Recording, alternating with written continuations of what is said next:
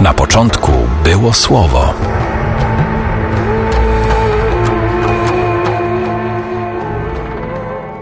Podczas widzenia otrzymanego od Pana zaprowadził mnie anioł z powrotem przed wejście do świątyni.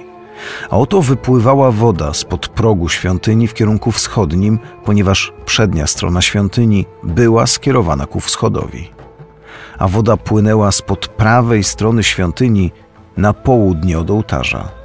I wyprowadził mnie przez bramę północną na zewnątrz, i poza murami powiódł mnie od bramy zewnętrznej skierowanej ku wschodowi.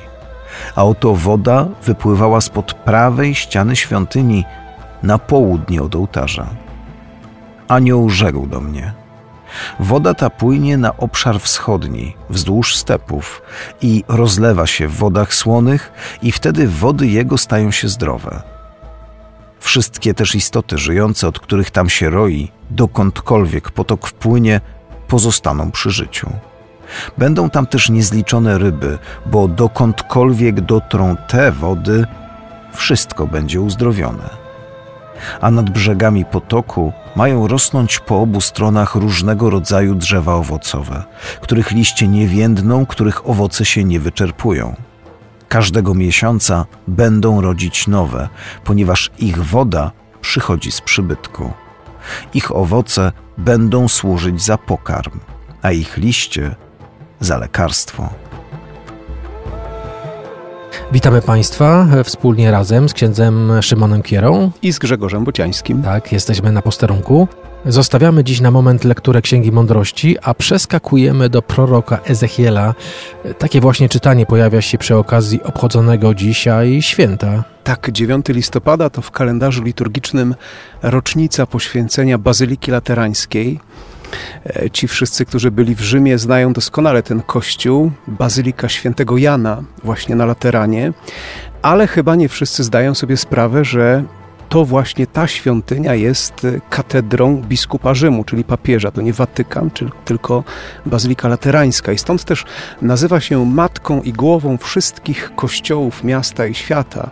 Można powiedzieć, jest takim miejscem uniwersalnym, które łączy wszystkie kościoły partykularne na całym świecie. Czyli w świątyni, którą opisuje nam prorok Ezechiel, możemy widzieć taki uniwersalny obraz Kościoła.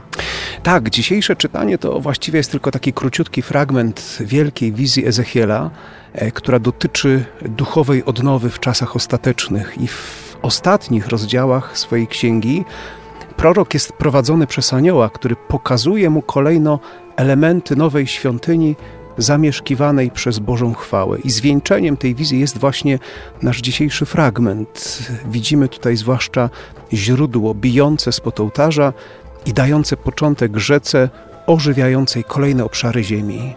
Proszę księdza, ta woda, o której tu jest mowa, komuś może kojarzyć się z sakramentem Chrztu Świętego. I to oczywiście jest bardzo dobre skojarzenie bo Kościół przez chrzest rodzi nas do życia i czyni nowym stworzeniem.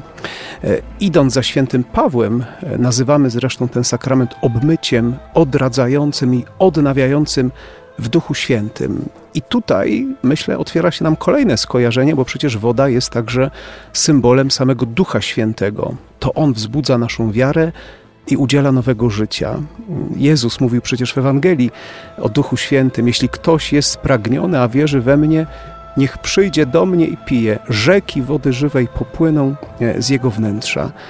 E, możemy więc powiedzieć, że ta piękna, taka poetycka wizja proroka Ezechiela pokazuje nam dzisiaj Kościół jako źródło życia wiecznego, przestrzeń, e, której potrzebujemy, by żyć, by się rozwijać, by wydawać dobre owoce. Może właśnie dlatego myślę, że przy okazji tego dzisiejszego święta e, warto e, Panu Bogu w modlitwie podziękować za dar Kościoła, do którego nas zaprosił i w którym daje nam zbawienie. Oczywiście zachęcamy naszych słuchaczy do tego, a ksiądz oczywiście był też w Bazylice Świętego Jana na Lateranie, prawda? Wielokrotnie miałem okazję tam być. Piękne miejsce. E, no to proszę tam się kiedyś wybrać, jeżeli ktoś będzie miał taką możliwość. Koniecznie zapraszamy. Do usłyszenia. Do usłyszenia. Na początku było słowo.